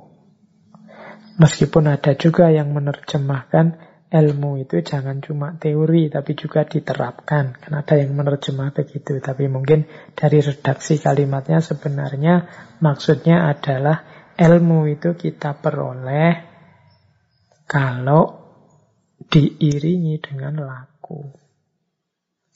Kalau tidak ada laku, ya mungkin ilmu itu hanya berhenti di level informasi saja.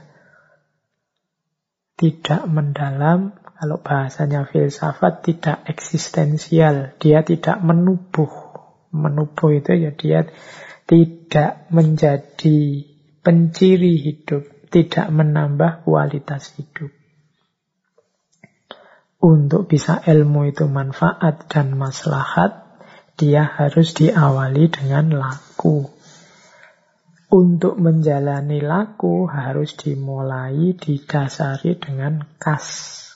Kas itu ada yang bilang yo ringkes dari kata akas. Akas itu kan serius, cepat, kemudian ingin segera melakukan itu akas. Kalau di situ dijelaskan maksudnya kas adalah memberi kekuatan, memberi kekokohan, harus teguh dalam melawan angkara murka. Hubungannya apa kas dengan angkara murka? Yo kalau kita menjalani laku, yo nanti berhadapan dengan banyak ujian, banyak godaan yang harus dilawan. Kita harus tetap teguh, tetap kokoh. Kemudian harus berani melawan angkara murka. Jadi ilmu diperoleh melalui laku, dimulai dengan kas. Pemimpin yang baik tidak boleh berhenti mencari ilmu, tidak boleh berhenti menajamkan diri, tidak boleh berhenti menjernihkan kalbu. Kalau ada waktu luang, seorang pemimpin silahkan menyepi sebentar, menjauh sebentar, melakukan muhasabah, melakukan tafakur, melakukan tirakat untuk nanti kembali lagi ke tengah masyarakat dengan lebih jernih, dengan lebih manfaat, dengan kualitas diri yang sudah naik. Oke, terus jadi jangan lupa ilmu. Kalau yang pertama tadi jangan lupa tirakat. Terus ini saya ambil juga satu bait dari Sinom. Salahnya sendiri yang tidak mengerti. Paugeran hidup itu demikian seyogyanya. Hidup dengan tiga perkara. Wiryo, arto, winasis. Wiryo atau keluhuran, arto atau kemakmuran, winasis atau ilmu pengetahuan. Bila tak satu pun dapat diraih dari ketiga perkara itu, habislah harga diri manusia. Lebih berharga daun jati kering. Akhirnya mendapatlah derita, jadi pengemis dan terluka. Di bait ini kita diberitahu kewajarannya orang hidup. Harga yang harus dimiliki oleh orang yang hidup. Hidup itu membutuhkan tiga hal, yaitu wiryo, arto, dan winasis. Wiryo itu keluhuran, kadang juga diartikan kekuatan atau kekuasaan. Arto itu, orang Jawa kan arto itu uang. Tapi maksudnya kemakmuran. Kemudian winasis. Winasis itu kecerdasan atau ilmu pengetahuan. Orang hidup itu butuh keluhuran, butuh kemakmuran, butuh ilmu pengetahuan. Kalau bisa kita punya tiga-tiganya. Kalau tidak bisa ya paling tidak satu lah. Kalau tidak punya semua, habislah harga diri manusia, katanya Mangkunegoro. Lebih berharga daun jati yang kering. Nah, ini tugas kita sekarang untuk refleksi. Kita sudah punya modal apa? Modal keluhuran, modal kemakmuran, atau modal pengetahuan. Salah satu harus punya. Kalau salah satu punya, bisa dipakai untuk mengejar dua yang lain. Syukur-syukur tiga-tiganya sudah punya. Kalau sudah punya keluhuran, insya Allah dengan keluhuran itu kita mudah mendapat ilmu pengetahuan, juga mudah untuk mewujudkan kemakmuran. Kalau kita sudah punya kemakmuran, insya Allah untuk menuju keluhuran atau mencari ilmu pengetahuan juga fasilitasnya ada. Kalau kita punya ilmu pengetahuan, ya tentunya keluhuran bisa dicapai, kemakmuran juga bisa dicapai. Tiga-tiganya penting. Kita harus punya setidaknya salah satunya. Kalau tidak punya tiga-tiganya sekaligus, yo ya mari berusaha biar punya Paling tidak kalau ilmu kan sekarang mudah didapat. Hari ini era medsos, era banjir informasi. Kalau sekedar nambah wawasan kan banyak di mana-mana. Biar jadi manusia yang ada harganya. Kalau tiga-tiganya ndak ada, tiga-tiganya kita kosong, ya habislah harga diri manusia. Itu kalimat dari Kanjeng Gusti Pangeran Adipati Aryo Mangkunegoro. Terus, jadi tirakat, kemudian ilmu, kemudian modal hidup. Apakah itu keluhuran, apakah itu kemakmuran, ataukah ilmu pengetahuan. Ini yang harus dimiliki oleh seorang pemimpin. Nah, terus ini nasihat untuk anak-anak muda, calon pemimpin, cara mencari ilmu. Di zaman nanti, anak muda bila mendapat petunjuk nyata, tidak pernah dijalani. Hanya menuruti kehendaknya. Kakeknya akan diajari dengan mengandalkan gurunya yang dianggap pandito negoro yang pandai, serta sudah menguasai makrifat. Jadi ini Kalimatnya di zaman nanti, jangan-jangan zaman kita sekarang. Katanya Mangkunegoro, besok itu zaman nanti, anak muda itu, kalau dia dapat petunjuk, menemukan informasi, dapat ilmu, dapat wawasan baru, tidak pernah dijalani.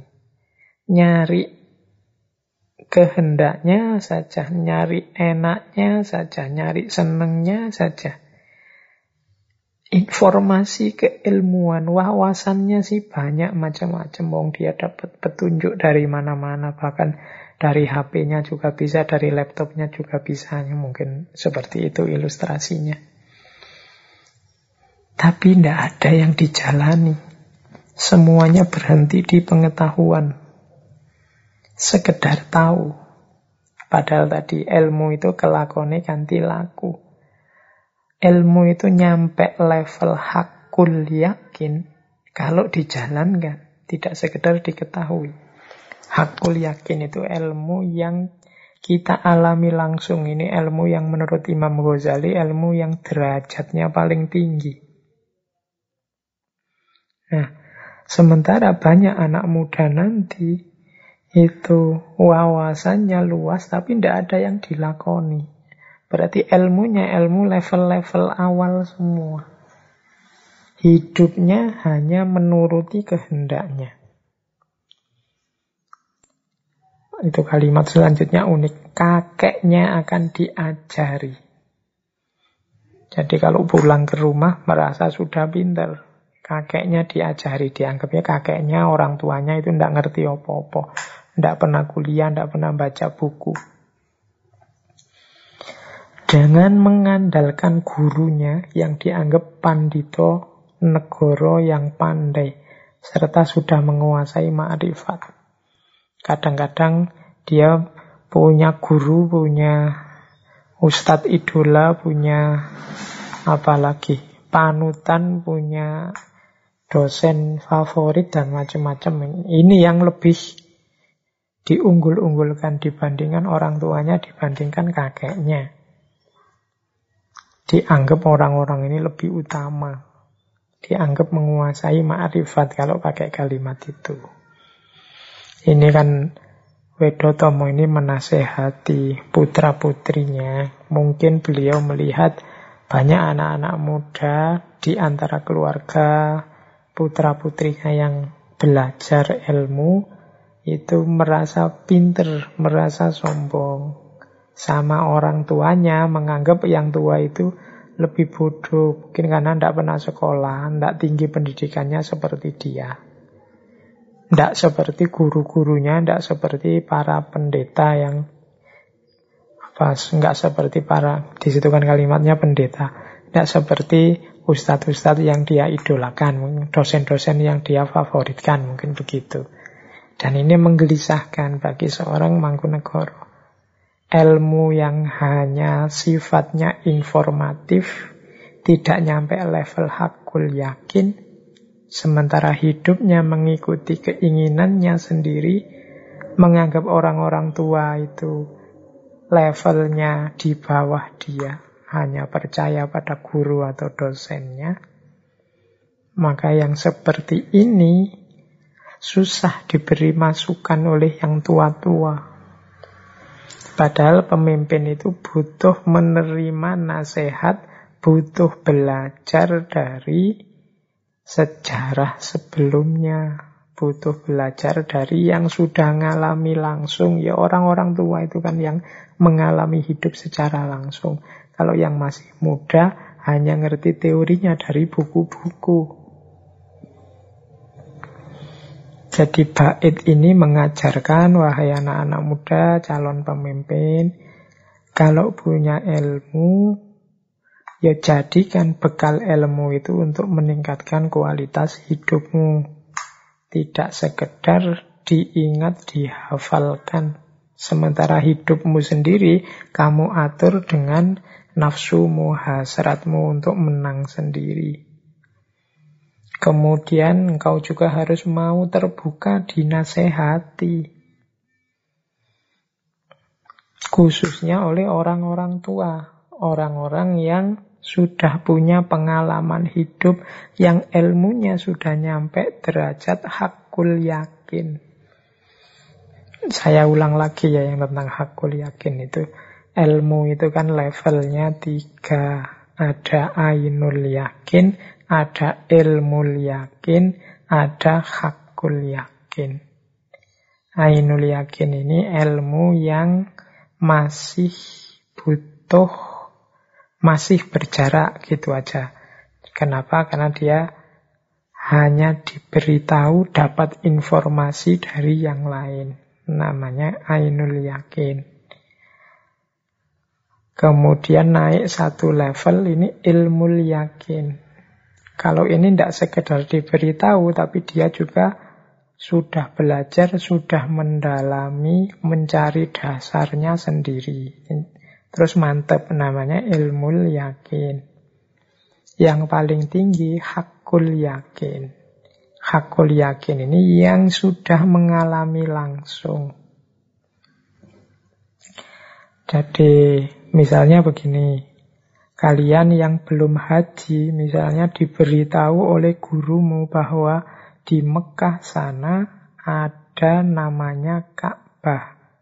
Dan kalian percaya karena yang memberitahu ustadzmu.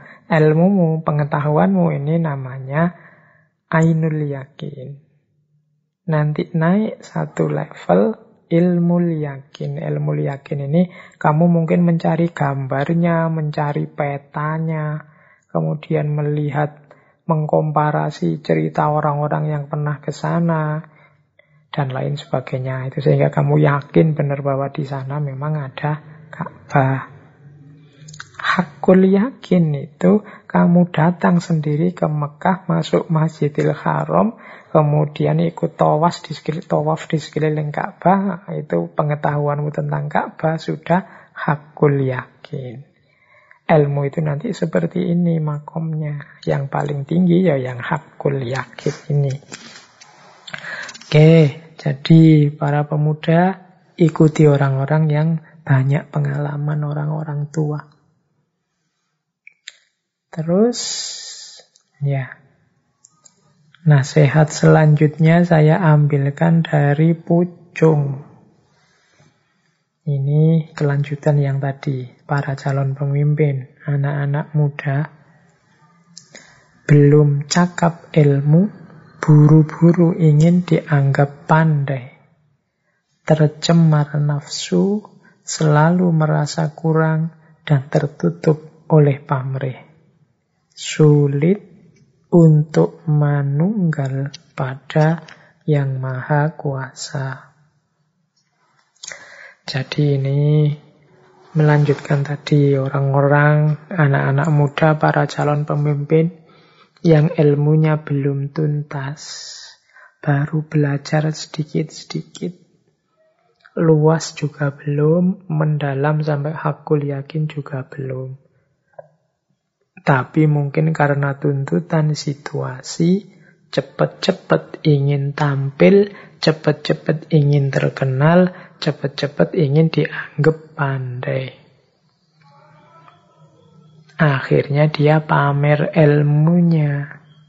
Akhirnya dia so tercemar oleh nafsu, tidak pernah bersyukur, selalu merasa kurang, tertutup oleh pamrih. Nah, ini kondisi batinnya tiga itu. Karena ilmunya belum cukup, ingin dianggap pandai. Ini kan berarti egonya, nafsunya yang menang. Pamrihnya yang menang. Orang yang seperti ini sulit untuk menunggal pada yang maha kuasa. Orang seperti ini ya sulit untuk mendalam sampai ke level hakul yakin tadi. Karena, dia kesusu ingin dianggap pandai. Hidupnya tercemar oleh nafsu, tertutup oleh pamrih. Ini orang semacam ini harus hati-hati.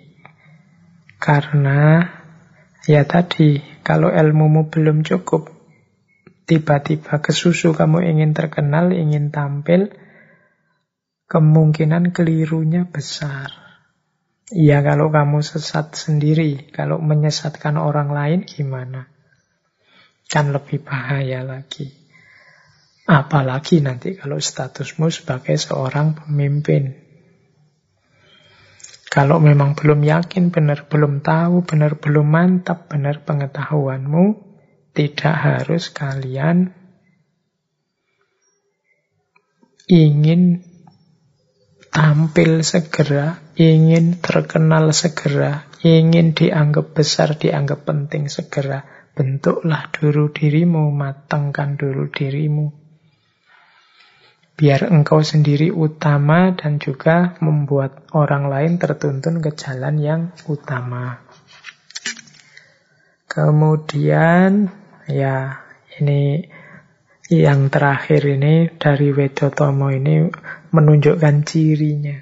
Orang-orang yang seperti tadi itu antara lain cirinya ilmunya sebatas mulut. Kata-katanya digaib-gaibkan. Dibantah sedikit saja tidak mau. Mata membelalak, alisnya menjadi satu. Bukankah yang seperti itu pandito palsu anakku. Nah ini saya ambil, kalau ini saya ambil dari Kinanti. Jadi orang-orang yang belum matang tadi, kalau tampil, ya ilmunya karena belum nyampe hakul yakin, hanya sebatas mulut. Menasihati orang tapi dia sendiri belum dalam, belum menjalankan. Kata-katanya digaib-gaibkan. Ini kata-kata digaib-gaibkan itu ya kata-katanya sok apa kalau hari ini sok spiritual. Ingin orang mengesankan bahwa dia dekat dengan Tuhan. Ingin orang terkesan bahwa dia ini masih muda tapi wah ilmunya dalam sekali. Nah, itu mungkin maksudnya kata-katanya digaib-gaibkan. Jadi act acting seolah-olah dia wali. Itu kata-katanya digaib-gaibkan. Semoga tidak ada ya di antara kita yang seperti itu. Dibantah sedikit saja tidak mau. Mata membelalak, alisnya menjadi satu. Pokoknya dia merasa sudah besar, sudah penting, sudah tinggi, selalu benar. Nah ini sindirannya beliau Bukankah yang seperti itu pandito palsu anakku? Nah ini, ini kan orang cuma acting saja jadi orang pinter. Sebenarnya dia belum pinter. Acting saja jadi wali. Wong dia belum menjalani apa-apa. Dibantah sedikit tidak mau. Nah, jadi ini nasihat bagian terakhir ini nasihat untuk kalau para pemimpin ingin memperdalam ilmu, ya harus tuntas. Jangan setengah-setengah, maka manfaatkan waktu luang seperti panembahan senopati tadi untuk nyepi, tafakur, nambah wawasan, nambah ilmu, memperdalam pengetahuan. Dan jangan kesusu buru-buru untuk tampil ingin dianggap pandai. Kesusu ingin berfatwa, kesusu ingin punya jamaah banyak, populer, diikuti orang. Karena itu nanti akan jadi blunder. Oke, jadi itu beberapa petunjuk tuntunan untuk para pemimpin kalau melalui serat Wedotomo. Nah, terakhir saya ingin sedikit menengok satu naskah juga dari Kanjeng Gusti Pangeran Adipati Aryo Mangkunegoro kaping sekawan yaitu serat Tripomo. Serat Tripomo ini menceritakan tentang tiga orang kesatria, tiga orang pemimpin teladan yang kalau mau ditelusuri sebenarnya yang disebut ideal dan teladan itu bukan berarti tidak punya kelemahan, tapi dia punya keutamaan-keutamaan sikap sebagai seorang pemimpin yang bisa ditiru.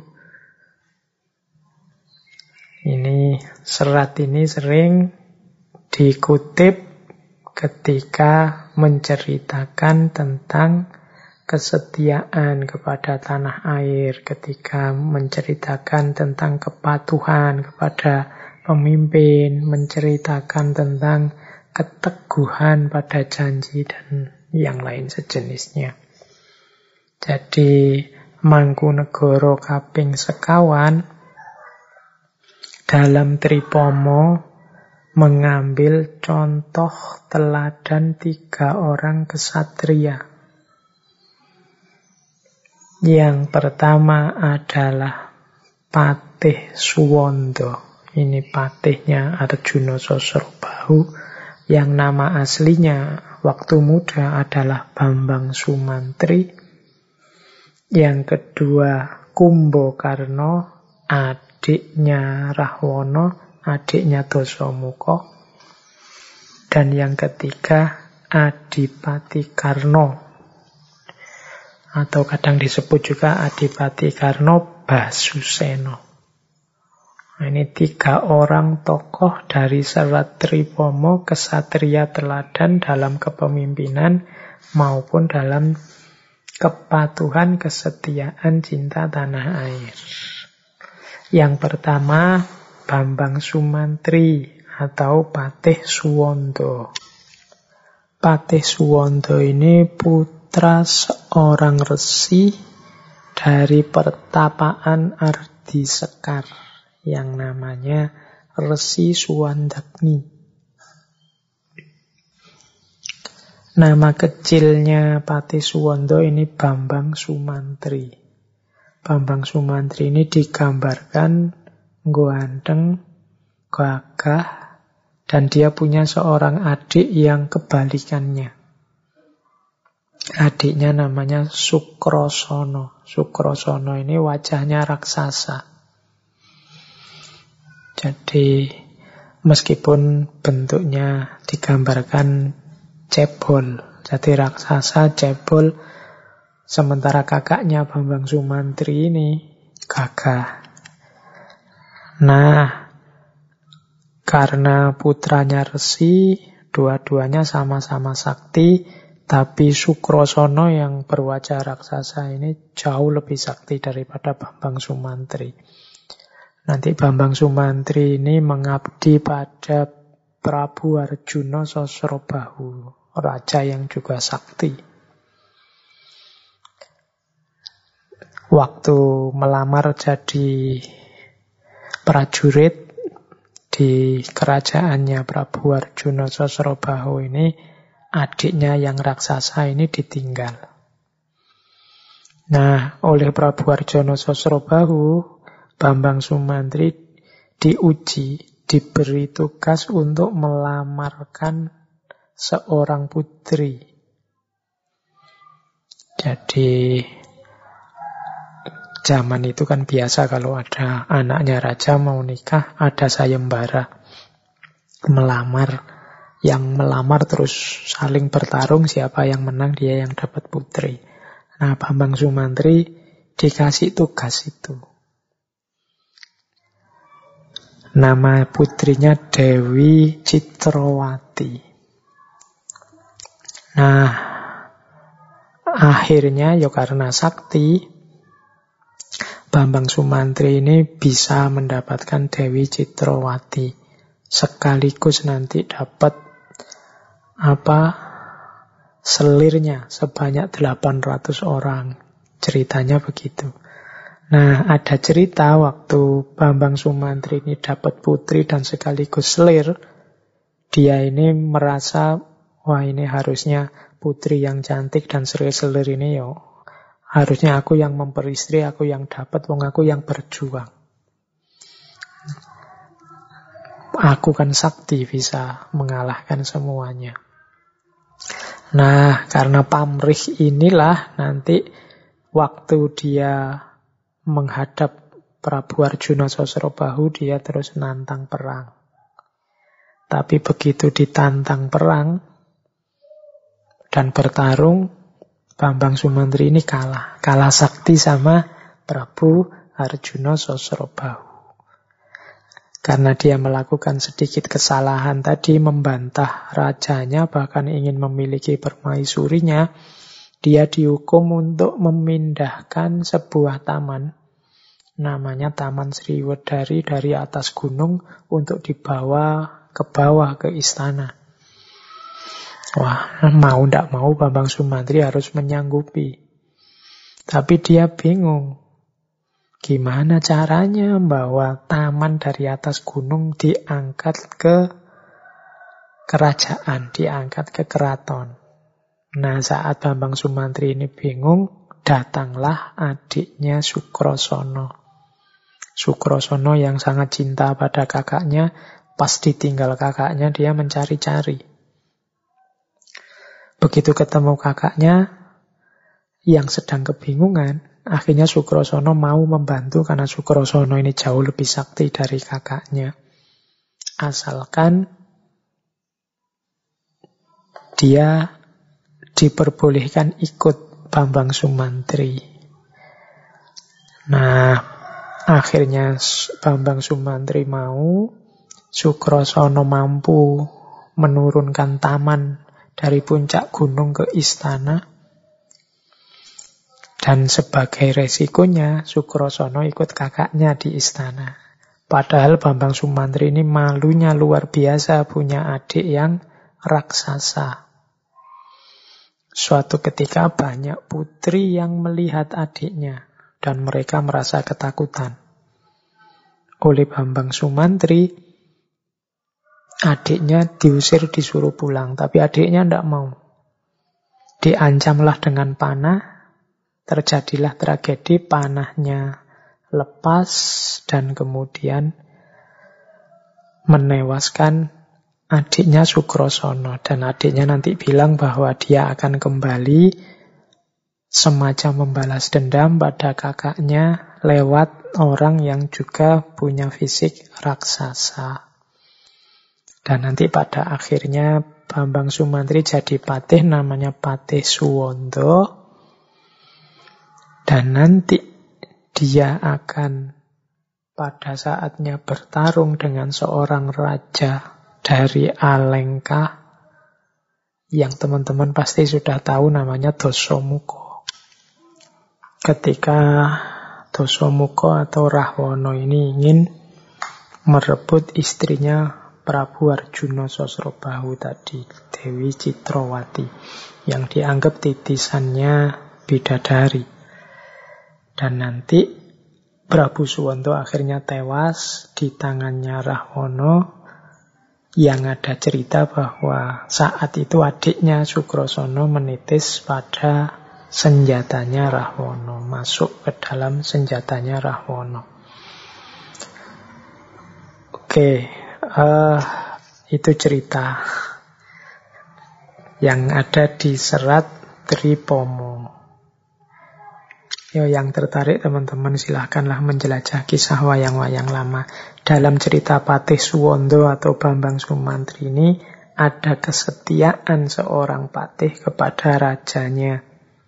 Kalau dalam serat Tripomo, cirinya Patih Suwondo itu ada tiga, yaitu Guno, Koyo, dan Purun. Pemimpin yang baik, kesatria yang baik, harus punya Guno, punya Koyo, punya Purun. Guno itu ya kalau letter luck namanya manfaat. Dia punya keterampilan, dia punya kesaktian, dia punya kemampuan. Kemudian koyo, dia juga punya modal, punya harta. Kemudian purun, dia punya kemauan keras. Cirinya pemimpin tiga itu, guno, koyo, purun. Tokoh kedua adalah Kumbokarno. Ini kalau ini tidak saya ceritakan teman-teman pasti sudah kenal. Adiknya Rahwono yang sama-sama raksasa yang sebenarnya dia tidak setuju dengan kelakuan kakaknya sehingga memilih tidur topo tapi tidur, tidak peduli dengan politik, tidak peduli dengan situasi, pokoknya tidur karena kecewanya dia sama Rawono yang menculik istrinya Rama. Nah, nanti waktu kerajaannya diserbu, meskipun dia tidak setuju dengan kakaknya, dia tetap ingin membela kerajaannya. Dia tetap cinta tanah airnya sampai kemudian tewas dalam peperangan.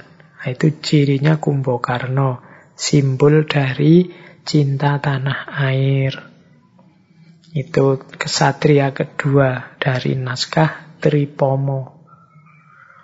Kemudian kesatria ketiga Adipati Karno. Ini simbol kesetiaan, simbol keteguhan. Kesatria atau pemimpin itu yang utama punya kualifikasi, dia harus menepati janji. Meskipun janjinya pahit. Meskipun itu kadang dilihat dengan kacamata kebenaran, dia sebenarnya nabrak kebenaran. Nah, itu pengalamannya Adipati Karno. Adipati Karno ini harusnya anak sulungnya Dewi Gandari. Eh, kok Dewi Gandari? Dewi Kunti, ibunya para Pendowo. Harusnya dia kakaknya Pendowo yang paling tua.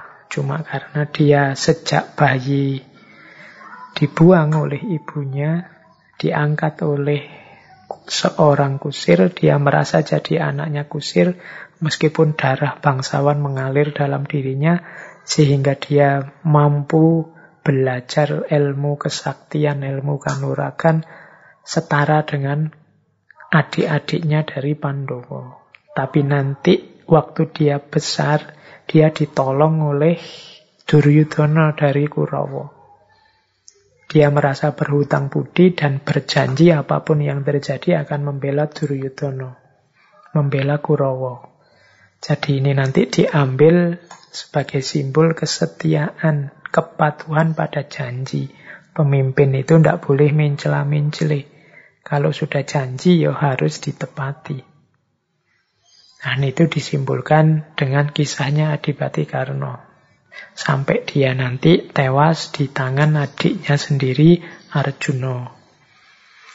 Jadi tiga kesatria ini sebenarnya ceritanya agak set ending.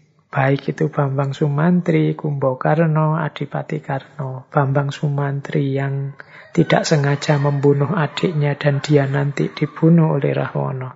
Kumbokarno yang terpaksa harus tidur tapi kemudian membela tanah air meskipun tahu resikonya harus tewas. Dan Adipati Karno yang harus menepati janji untuk setia pada Kurowo dan melawan saudara-saudaranya sendiri. Inilah jalan pemimpin yang memang pahit. Banyak hal-hal yang tidak selurus, tidak semulus yang kita inginkan. Hidup ini tidak selalu seperti yang kita bayangkan. Kesulitan-kesulitan, kemudian jalan ceritanya tidak selalu pas seperti bayangan, tapi tetap seorang kesatria, seorang pemimpin akan dianggap utama kalau dia menetapi jalan keutamaan. Seperti Adipati Karno tadi, ya dia tetap dikenal sebagai seorang kesatria yang setia dan menepati janji.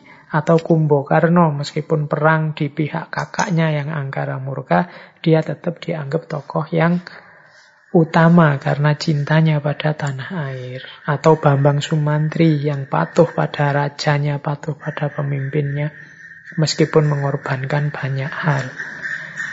Nah ini serat Tripomo ini serat yang diangkat oleh Kanjeng Gusti Pangeran Adipati Aryo Mangkunegoro tentang tiga kesatria teladan, tiga kesatria utama. Baik teman-teman, saya kira sudah sampai kita pada waktu yang sudah kita sepakati bersama yaitu kurang lebih sekitar dua jam saya sudah bicara. Saatnya kita akhiri sesi kepemimpinan.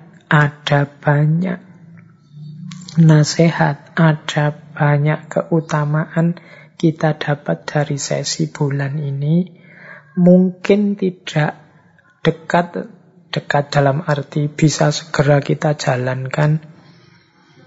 Tapi tema-tema dan isi nasihat di sesi bulan ini semoga bisa tetap kita simpan yang pada saatnya mungkin kalau teman-teman nanti terjun ke medan hidupnya masing-masing banyak hikmah yang bisa diambil, banyak pedoman yang bisa dipakai baik untuk diri sendiri maupun untuk anak cucu kita besok. Seperti saya bilang tadi, biar mereka juga tahu bahwa ada banyak sekali khazanah-khazanah keutamaan, biar mereka masih bisa hidup sebagai manusia yang manusiawi sekaligus ilahi.